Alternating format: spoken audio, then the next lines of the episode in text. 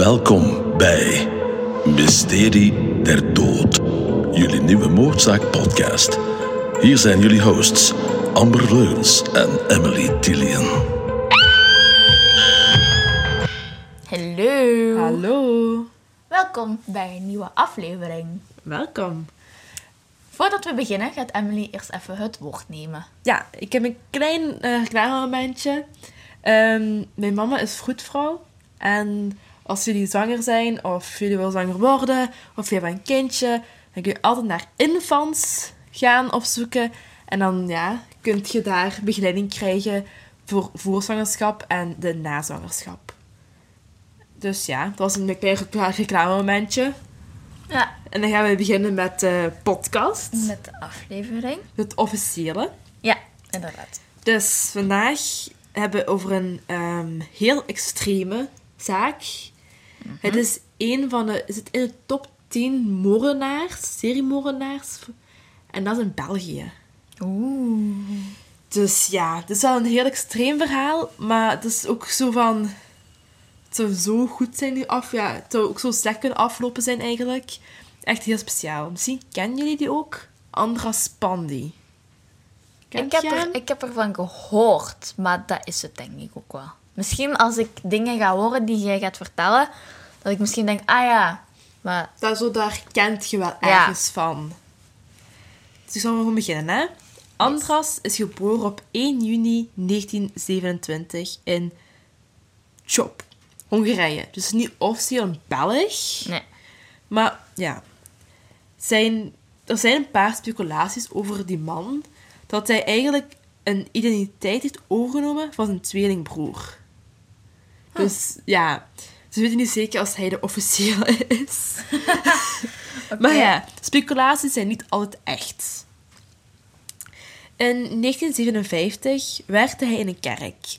We zijn ook niet echt veel achtergekomen van de jeugd van hem, maar ja, hij werkt in een kerk en hij is er nu 30 jaar. Daar ontmoette hij ook zijn eerste vrouw, Elona Soares. Ze besluiten, doordat er politieke moeilijkheden zijn in Hongarije, te verhuizen naar België, Brussel. Dus ja, dat was gewoon zo heel typisch. Veel Ja. problemen. Zo, ik ben trouwens verkouden, dus als je mijn stem zo hoort en mijn heel zo... Ja, dus Ja. ik ben verkouden gewoon. Dat is normaal in deze periode. Ja. Ja. Ehm, in België wordt hij ook dominee, wat hij eigenlijk al was in de kerk.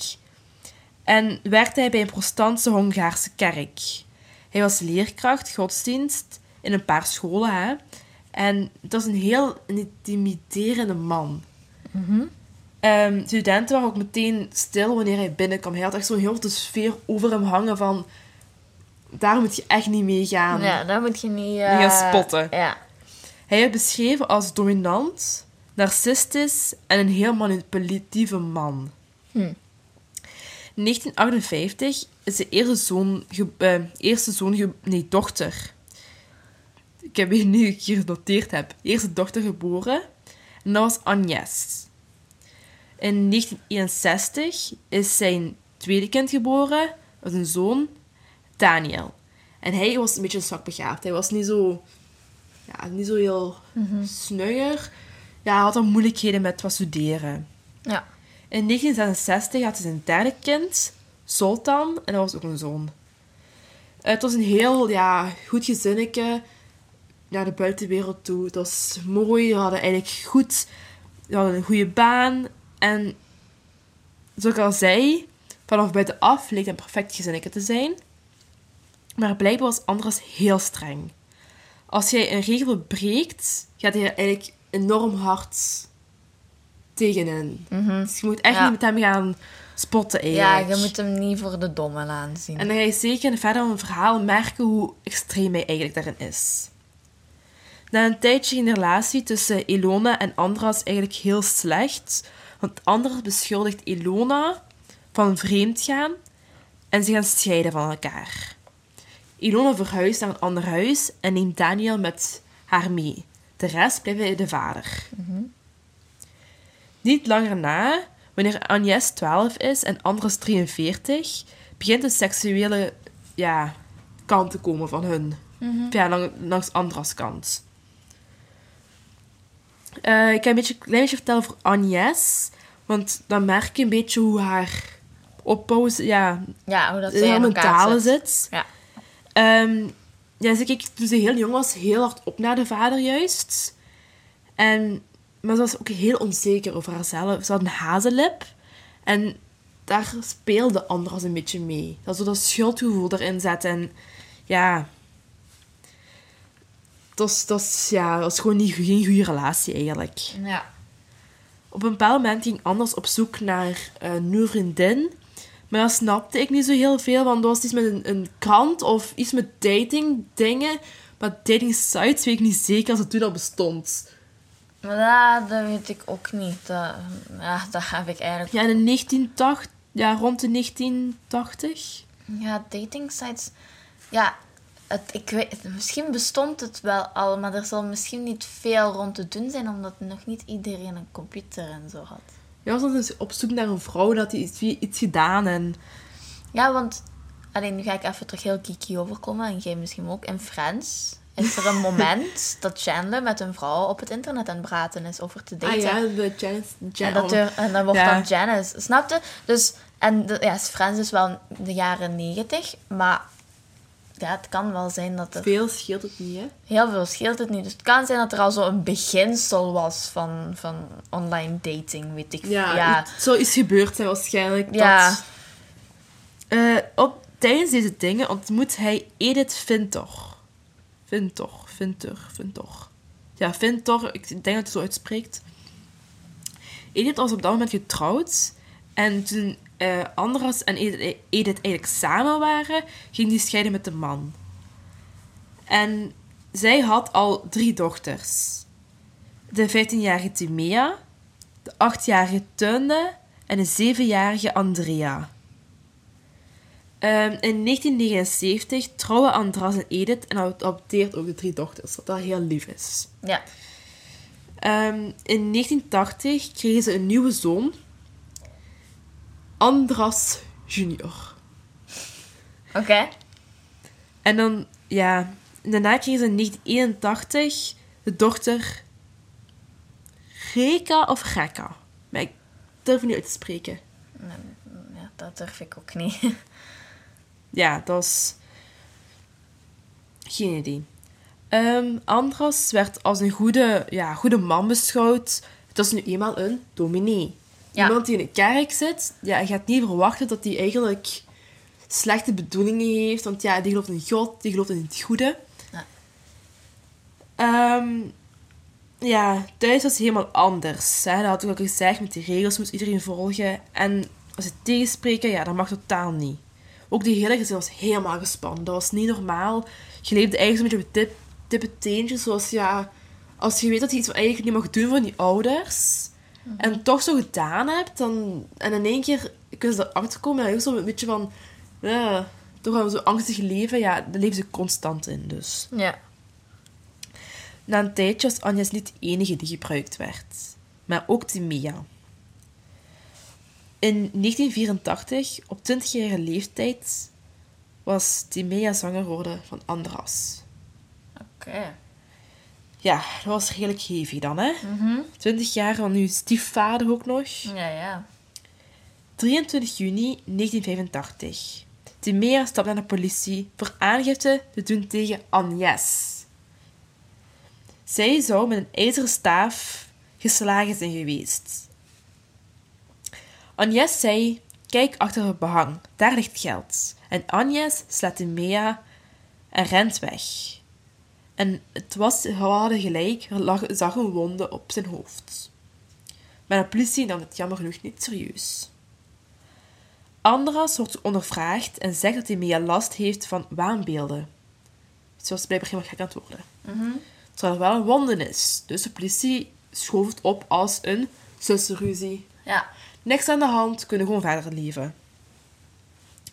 Na het ja, bij dit ongeval was Agnes, nee, Timea nog steeds zwanger. Oh. Kindje was gezond en welgeboren en noemde Mark.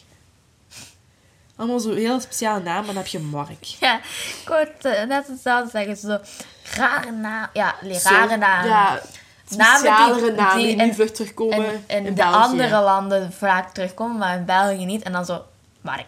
Ja. een typisch Belgische of ja, Nederlandse naam. Vlaamse naam, ja. Ja. Wegens Agnes Timea wilde vermoorden, stuurde de mama van Timea haar naar Canada. Waar familie zit van hun dus. Hm, Oké. En in 1986 vertrekt Timea naar Canada, maar voor ze vertrekt vertelt ze tegen mama wie de vader was van Mark. En Edith gelooft het meteen. Geen enkele twijfel had zij. En Edith confronteert Andras hiermee en maken natuurlijk hierover heel veel ruzie. Logica. Edith wil, dat Andrea Edith wil met Andrea, de andere dochter, vluchten van deze man. In 1986, eind juli, had Andras en Edith bevinden zich in een kelder. Nee, wacht. An ja, Andras en Edith zich in een kelder. En ehm Agnes en Andrea boven. Het is in de gewone ruimte. Mhm. En Andras slaat Edith met een hamer. En daarna roept hij Agnes naar beneden.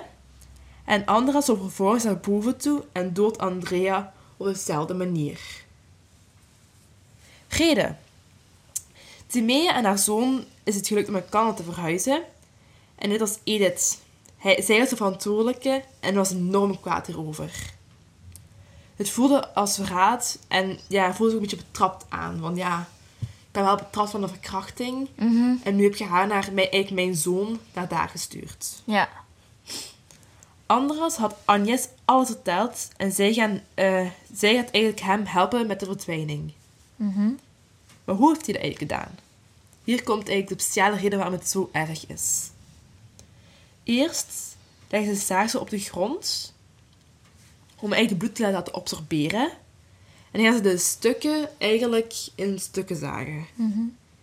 Die gaan de lichamen oplossen door zuur. Dat, is zo, en dat was eigenlijk flessen grootste ontstopper. Het merk Clinet. En dat is een oranje fles, blijkbaar. Ja. Ze gingen ook naar verschillende winkels toe, niet naar hetzelfde om zoveel te kopen, om een beetje onopvallend te zijn.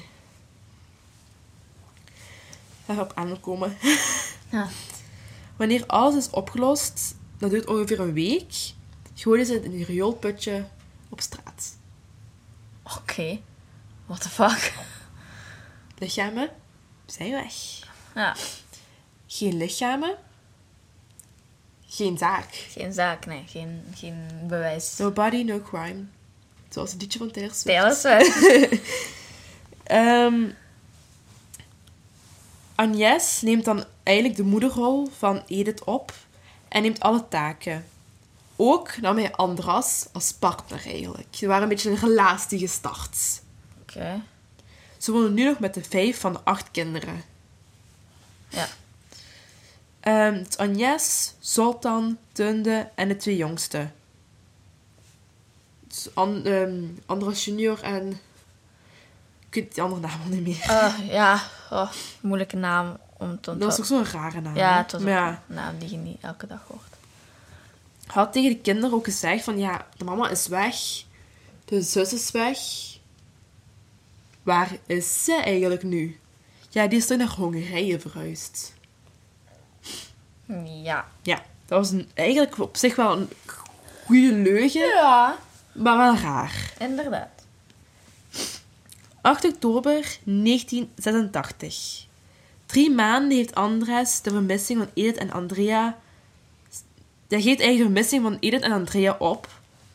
En de politie vraagt meteen, waarom niet eerder? Ja. Logica. Ja. De vrouw had blijkbaar een kaartje gestuurd uit Duitsland. En die gaf ook zo'n kaartje ook echt af aan de politie. Hm. Ja. Eigenlijk kwam er eigenlijk niet echt veel van uit. Het, waren, ja, het was nog niet zo belangrijk genoeg. En twee jaar later staat hij weer toe. En hier ga je merken aan eigenlijk hoe de gedrag is, hoe streng hij eigenlijk is naar de kinderen toe. Daniel had per ongeluk zijn voornaam genoemd. Vijfde gebod, gebod overtreden. Hij voelde zich eigenlijk een godsoort van. Vijfde gebod overtreden. Andras was heel boos, dus de oplossing is... Dood. Ja. Want dat is ook de enige oplossing.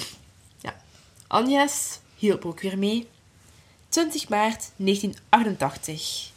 Agnes maakt ontbijt voor in de kelder, want blijkbaar in België zijn er kelders met keukens. Blijkbaar wordt dat heel normaal gezien in België, maar ik heb er nog nooit van gehoord. Nee, het, eh, dat is... Allee, hoe dat ik het zou denken dat het is, is van de Wereldoorlog 2. Ja? Dat er nog huizen zijn van toen die nog recht staan, maar dat ze een keuken en zo onderaan hadden staan. Zodat als er dan een, een alarm afging van, van vliegtuigen die gingen overvliegen, dat ze naar onder konden vluchten en dat ze wel nog eten konden maken. Ah, Allee, dat denk ik.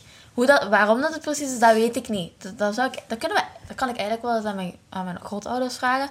Die weten dat misschien wel. Maar ik denk, voor mij lijkt dat logisch dat dat die reden is. Als er een alarm, want hè, vroeger was dat een luchtalarm. Als er een onbekend vliegtuig binnenkwam, moesten mensen schuilen, want daar konden bommen vallen en zo. Ja, je kunt in je kelder gaan zitten, maar als je geen eten hebt of je kunt geen eten maken, ja, dan, ja, dan gaat het ook niet lang overleven. ja, dat is waar. Daar heb ik niet mee nagedacht. Eh, dus, hij gaat, eh, dus Agnes gaf eten aan Daniel. En die had schuin achter hem staan, pakte pistool en stiet een zonder kijken in het achterhoofd en ging weg. Andras ging er achteraf nog een keer naar onder toe en schoot met een jachtgeweer nog vijf keer. Ja, alsof die eerste keer nog niet genoeg was geweest. Nee. Daarna belde Agnes eh, mama Elona, de moeder van Daniel en Agnes. Ze zegt dat Daniel onwel is geworden en ze was gelokt naar de kelder. Wanneer ehm Elona eigenlijk naar onder wandelt, schiet Agnes haar door het achterhoofd. En laat het lichaam op de- dezelfde manieren verdwijnen, zoals de vorige lichamen. Ja. Ilo- Ilona moest dood omdat hij de ongehoorzaam kind heeft gemaakt. Het was haar schuld dat hij zo onge- ongehoorzaam was. Dat kind heeft eigenlijk gewoon niks misdaan. Zo dan woont er nu nog. Hij begint vragen te stellen. Waarom is die nu weg? Waarom is die nu weg? Logisch. Dus moest ook dood. En alles wordt op dezelfde manier gedaan. En tegen de buitenwereld zegt hij gewoon... Die zijn naar Hongarije. Ja. 1990, één jaar na de, op de moord op Sultan, kreeg Tunde, het de meisje, een geheime vriendje. Ze leefde ook best wel geïsoleerd, het was een beetje verboden om iemand te hebben. En Andras besluit Tunde te vermoorden. We weten alleen niet als ze, dat, dat Andras wist van de geheime relatie. Agnes wordt dit keer niet gevraagd om te helpen. Zij was op vakantie gestuurd met de twee jongsten. Drie dagen weg. Tunde verdween. Andras zegt dat hij, dat hij naar, zij naar een pleeggezin is gestuurd omdat ze ongehoorzaam was. Agnes wist hoe laat het was. Ze wist dat, dat ze eigenlijk vermoord was. Na een tijdje ging eigenlijk Agnes alleen wonen. En nu woont Andras met de twee eh, jongste kinderen nog. Ja. 19 fe- februari 1992. Agnes, Agnes stapte ineens aan de politie en zegt dat ze al 13 jaar misbruikt wordt door haar vader. Omdat ze een vriendje heeft, vertelt ze dat natuurlijk ook. En omdat de vader, ja, ze wil niet dat, dat hij dat bij de jongens ook doet. Ja. Krachten. Ja. En Andras wordt hier ook voor verhoord. Volgens hem klopt er helemaal niks. En loopt een vrije voeten terug rond. Ja. Typisch. Maar de jongste wordt wel in een pleeggezin gezet. Voor de veiligheid. Ja, dus hij wordt op, bloot, op, op, op, op, op vrije voeten teruggezet. Ik wil blote voeten zeggen. Vrije voeten teruggezet. Maar toch voor de veiligheid. Als we het toch wel waar zou zijn, gaan we toch het kind wegpakken. Ja, en dan Allee. denk je van... Dat kind... Agnes is 13 jaar lang verkracht geweest. Ze komt dat melden en dan En dan... verhoord. En die zegt van, dat klopt allemaal niet.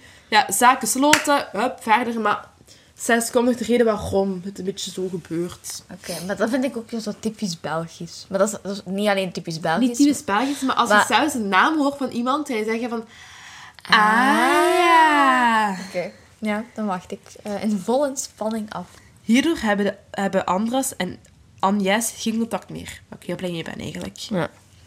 1997, na de troe. Ah, troe was toen bezig op het moment. dat is waar. Waardoor de eigen vooral met die zaken bezig was. Dat was een Ja. klein zaakje, maar dat was een klein zaakje. Maar als je dan het Verder. dat het gebeuren is, dan is dat niet meer zo heel klein. Nee, inderdaad. Na de troe over was, eigenlijk, wilde, wilde re- rechercheurs... Ik vind dat zo'n moeilijk woord. Rechercheur? rechercheur onderzoeken wat er met de vermiste mensen is gebeurd toen eh, dingen uh, Andres als helemaal melden. Ja. En dan ga ik hier al iets zeggen. Als Andres, Andres nooit echt over die vermissing gezegd. Was er nooit iets uitgekomen. Nee, maar- ja, ook eigenlijk niet. Het kon ook zo zijn dat dat goed was geheim kunnen houden. Maar er komen zo bepaalde punten in. Maar Ja. had hij dat al gedaan, dan was er nooit verder onderzoek gedaan naar daar. Ehm, maar hij, de politie kon daar drie mensen verhoren. Agnes, Andras en Andras junior. Maar er was toch iemand die die vermoord is. En dan denk ik zo, ah ja, die was weg naar het Die is naar pleeggezin. een pleeggezin gebracht, ja. Maar die kon ook verhoord worden, maar ja, dat is misschien zo'n nette jong. Ja. Agnes was momenteel de beste optie. Zij heeft alles kunnen meemaken. En oud genoeg. Ja. Andras zei dat hij momenteel in Hongarije was. Onthoud het goed. Hongarije. Hij was in Hongarije. Andras junior was op dat moment van al het gebeuren eigenlijk maar zes jaar oud. En ik weet niet, als jij het iets van zes jaar geleden... Ja, toen je zes jaar was, toch iets herinnert... 1 en 2 zesjarigen hebben een heel grote fantasie. Die kunnen zeggen wat dat ze willen. En ze kunnen het geloofwaardig doen overkomen ook nog. Ja, maar ja, dit wist ook niet natuurlijk, hè. Nee. Dus Agnes, momenteel de beste optie en wordt verhoord. Maar levert niks op. Opvallend is dat ze heel heftig reageert alsof het Timea en een voorval hebben 12 jaar ervoor. Ja. Toch gaan ze heel even Andras junior overdragen, onder, overdragen, ondervragen. En nu is hij ongeveer 16, 17 jaar op dat moment. En blijkbaar brengt Andras, Andras junior, naar het politiebureau. Oh, leuk. Ik dacht Die dat was je toch in. Hongarije? Ik dacht ook dat dat... Allee, joh. De politie gaat meteen aan de slag en neemt een huiszoekingsbevel op. Gaat aankloppen. Anders doet de deur open. Je was toch in Hongarije? Maar ja, maakt niet uit. En hij geeft gewoon, gewoon toestemming. Ja, nog niet moeten zeggen van hier is een huiszoekingsbevel, mocht gewoon binnengaan. Ja. Geen enkel probleem. In kelder vinden ze een plastieke zak met haren in. Verklaring. De vrou- de- dat de vrouw deze meenam van de kapper om kussens mee te maken. Had altijd een verklaring voor alles. Ja, waarschijnlijk. Alles. 18 oktober 1997. Eerste keer gehoord. Hij zegt dat er niks mee te maken heeft. I didn't do it. Eh hij had blijkbaar drie woningen Oh. in België. En gaan ze eigenlijk doorzoeken om hem eigenlijk een beetje langer te kunnen houden. Want na 24 uur of drie dagen... 24 uur of 48 uur. Iemand. Ja, even, ja, dat is zo'n... Ja, het is, ik denk na- 24 uur. Na een tijd moet jij iemand vrijlaten zonder bewijzen bewijs te hebben. hebben dat iets... Of, nee, die hadden bij zijn klein bewijs kan ja, je moet bewijs hebben dat Ja, je moet die iets te maken confronteren, heeft. confronteren met iets. Ja, of- En gaan daar op zoek om hem langer te houden. En de huizen voelen heel verkeerd aan, zeiden ze. Het was donker en lijkt een beetje op een fort. En er heel tussenschotten geplaatst, dat er één keer heel veel gangen zijn. Leek op eigenlijk een beetje bewijsmateriaal te verstoppen. Na uren graven en zoeken vinden ze eindelijk iets. Een linker dijbeen. En hadden bloedvle- bloedvlekken op de muren en de zijkant van de trap gevonden. Andras wordt daar naartoe gebracht en vroeg wat het was. Hij zegt een been, dat hij een been zag, maar geen idee hoe hij daar terecht kwam. Hij heeft hem zo gekocht. Het huis was gewoon met een linker dijbeen gekocht. Hm.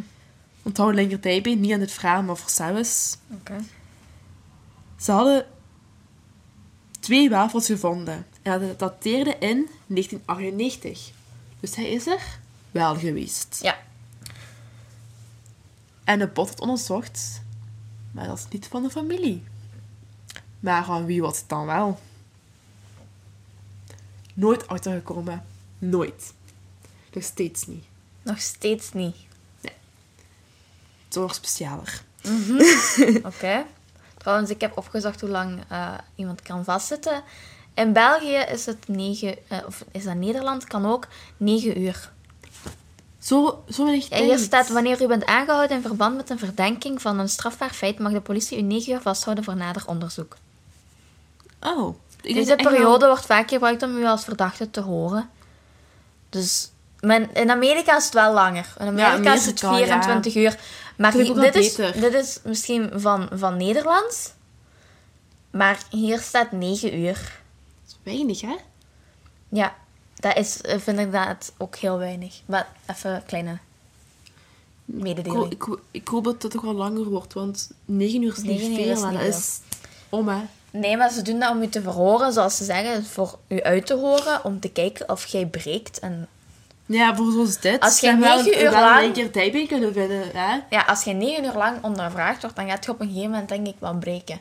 Als je niet, zo goed, als je niet zo goed bent in dat... Als je goed tegen drukte kan, zoals, Ja, dan- Ja, Ja, als je daar goed tegen kunt, dan breekt je niet snel. Maar na negen uur gaan er toch wel een paar maar mensen zo breken. mensen die vooral jong moord bepleegd, ja, die zijn breken vlugger, hè? Ja, of die gewoon een kleine straf hebben gemaakt. Ja. Die breken snel. Meestal toch. Agnes werd opnieuw verhoord. Het ging eigenlijk over de zus en de, aan en de overval er eigenlijk gebeurd was. Ze vinden het verhaal een beetje vreemd. En we willen weten wat er eigenlijk echt gebeurd is. Agnes vertelt de waarheid en zegt dat het moest van de vader. Hij zegt dat er zijn meer theorieën over dit. En een daarvan is, wat eigenlijk wel het meest bekende is daarvan, is dat ze wist van een zwangerschap en wilde eigenlijk Mega vermoorden omdat ze jaloers was. Want ja, zij had een relatie met Andras eigenlijk. Ja. En zij het kind was een beetje jaloers om te denken dat dat de reden is dat zij eigenlijk vermoord is. Ja, wilde vermoorden. Ja. Dit heeft voor de politie natuurlijk een voordeel. En merk meteen aan haar dat er meer achter zit. Ja.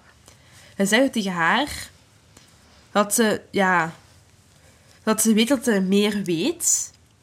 En ze wil ook dat ze gaan praten, maar ze zegt van ja, kijk, je weet meer. En dan wil het eigenlijk echt gaan weten. En je gaat wandelen een blokje. En dan denk je goed over na. Ja. Er was geen verklaring afgetekend. Dat betekent, als je vlucht, is je weg. En dan zijn die, dan zijn die eigenlijk al gescharreld. Ja, dan zijn die jujos. Want het belangrijkste is, no body, no crime. Ja. Maar wat kan nog tegen iemand gezet worden? Een getuige. Ja. En die getuige. En yes. En yes kan alles omdraaien in een vingerknip. Die, die bepaalt eigenlijk de hele zaak. Ja. Op een moment klopt ze aan en zegt, zegt hij ook letterlijk, ik ga iets vertellen wat hij nog nooit gehoord heeft. En ze biecht alles op. Haar aandeel en zegt dit met alle gemak. Had geen gevoelens ervoor, maar het komt ook een beetje door de manipulatie van Andras eigenlijk een beetje.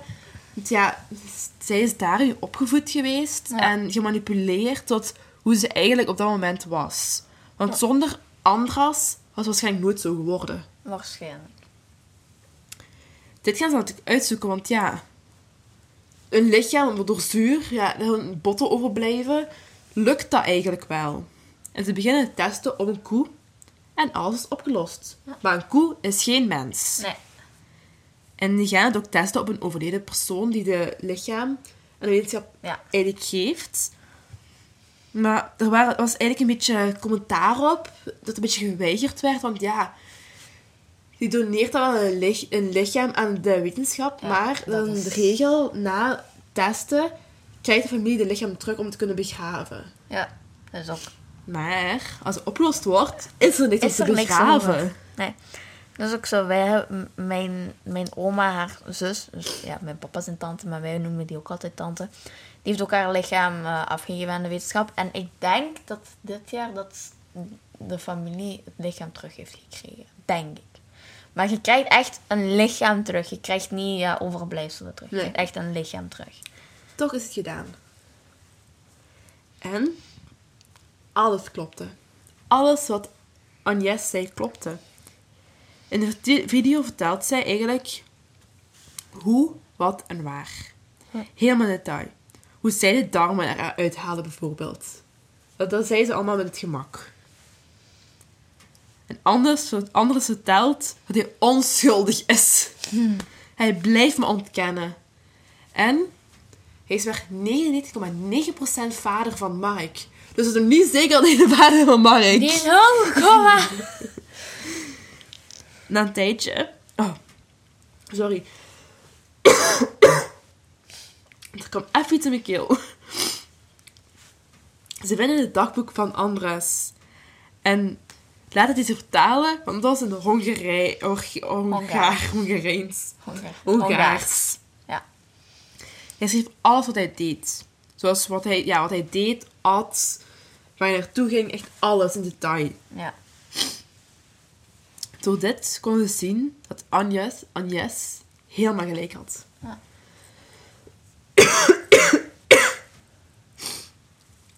Bijvoorbeeld, vijf dagen voor de moord voor Daniel is er een geweer gekocht. Veel water buiten gegooid. Veel water was geen gewoon veel water. Dat was gewoon de lichamen van de, of, ja, vermoorde mensen. ja, het overblijfsel. Andras moet met in, indirecte bewijs worden opgepakt. Wat eigenlijk ook heel moeilijk is om iemand op te pakken met indirect. Want dat kan goed aflopen. Of dat kan ook juist heel slecht aflopen. Ja. Dat hij toch vrijgelaten wordt. Want ja, er is geen Er is geen direct bewijs. En hij wordt geconfronteerd met het dagboek. Hij was heel boos. En hij zegt, was om mezelf te controleren, niet de politie, om niet de politie te controleren. Wat ik gedaan heb eigenlijk. Hè. Die wou echt, was mijn, ik wil mijn controle over mijn leven hebben, niet de politie aan mij. Ja. Oh, sorry, in één keer is mijn hele neus gestopt. Februari 2002 is de eerste hoorzitting. Agnes was in zichzelf gekeerd en Andras was dus helemaal tegenovergestelde. Hij was arrogant, bedweterig en stelde heel veel eisen, wat ik niet snap. Dat- Maar ja, Als jij verdacht bent, moet je geen eisen stellen. nee. Hij werd veroordeeld voor levenslang gevangenis zonder vergoede vrijlating. Dat is goed. Dus het bewijs was goed. Ja, die bewijs. Het was bewijs wel een beetje van. Eh, was veel schors gehaald. Hebben ze ook in het huis gezien liggen. Ja. Ze hebben ook de bussen teruggevonden van alles eigenlijk. Dus ja, van het zuur. Wat zij ja, dus was dat bewijs, maar dat was geen harde bewijs. Want ja, iedereen kan een huis hebben liggen. Ja. Ja. Ja. Dus hij werd veroorde- ver, eh, veroordeeld en is schuldig voor zes moorden, één poging tot moord en verkrachting van drie dochters. Hij stierf eind december 2013, dus daar zijn we al vanaf, door ziekte. In de, aan de Brugse gevangenis en hij was 36 jaar oud geworden. Want hij is ook al echt al lang vrijgebleven. hè? Ja. Hij was jong begonnen met vermoorden en echt wel Hij heeft eigenlijk bijna heel zijn leven vrij kunnen rondlopen. Ja. Eigenlijk, ik vind het eigenlijk niet, niet fijn, maar ja. Nee, je bent niet de enige. Agnes wordt schuldig bevonden voor vijf moorden en poging tot moord. Hij riskeert 21 jaar celstraf. Zij is nu vrij en leeft in een anoniem bestaan ergens in België. Ze had natuurlijk al soort omstandigheden gekregen, want ja, de, de manipulatie, Ja. ook met de verklaringen te komen en een beetje te helpen aan het, pro- aan het proces. Dus ze heeft ook wel heel wat meegespeeld daarin. Ja, dat is ook als je... Als je hoe moet ik dat zeggen? Als, als, ook al heb je iets gedaan, maar je stapt zelf naar de politie, dan zijn ze al iets milder. Ja, je daar een beetje het- op letten van, oké, ze heeft dan meegewerkt. Maar dan natuurlijk, kijk, omstandigheden ben jij Ja, mentaal goed genoeg om vrij te komen. inderdaad. Want zij heeft ook nooit echt dat als zelf uit haar eigen gedaan. Het heeft allemaal met Andras was de persoon die dat deed. Timea weet ik een beetje niet zeker als ze dat wel zelf deed of met de vader. Maar de vader is er sowieso ook al voor gedaan, dus... Ja, ja. Er zijn theorieën dat hij nog meer moorden gepleegd heeft dan alleen dit. Ja. Zoals de linkerdijbeen. Ja. Ehm, blijkbaar had Andras ook weeskinderen onder zijn naam staan. En dat was een actie, hij had een actie eigenlijk dan gedaan, genaamd IDNAP. Pan die achterstevoren. Ja. De kinderen zijn nooit gevonden of teruggekomen. Maar dat is zo... Ze weten niet zeker als dat echt waar is, of, maar dat is zoiets dat er wel in zit. Ja. Dit was een zaak van Andras Pandy. Oké. Ik herkende dingen... Toen dat je zei van de kerk, toen dacht ik, ah ja. De dominee. Dat, dat deel wist ik. Ja, dat zat ver weg, maar Je wist het wel wist ik. iets van, dus... ik wist er iets van. Maar hoe en wat precies, dat wist ik totaal niet. En ja, het was een Belgische zaak. Geen Belgische persoon, want die is geboren in Hongarije. Maar het is wel in België gebeurd. En uiteindelijk is het heel lang doorgegaan zonder dat ze er iets aan gedaan hebben. Want als Agnes nooit gesproken had, was Andras nooit gepakt geweest. Nou, en dan je- was hij gewoon vredig in zijn huis kunnen sterven, bij wijze van spreken. Ja. En dat is gewoon zo... Eigenlijk de perfecte moord.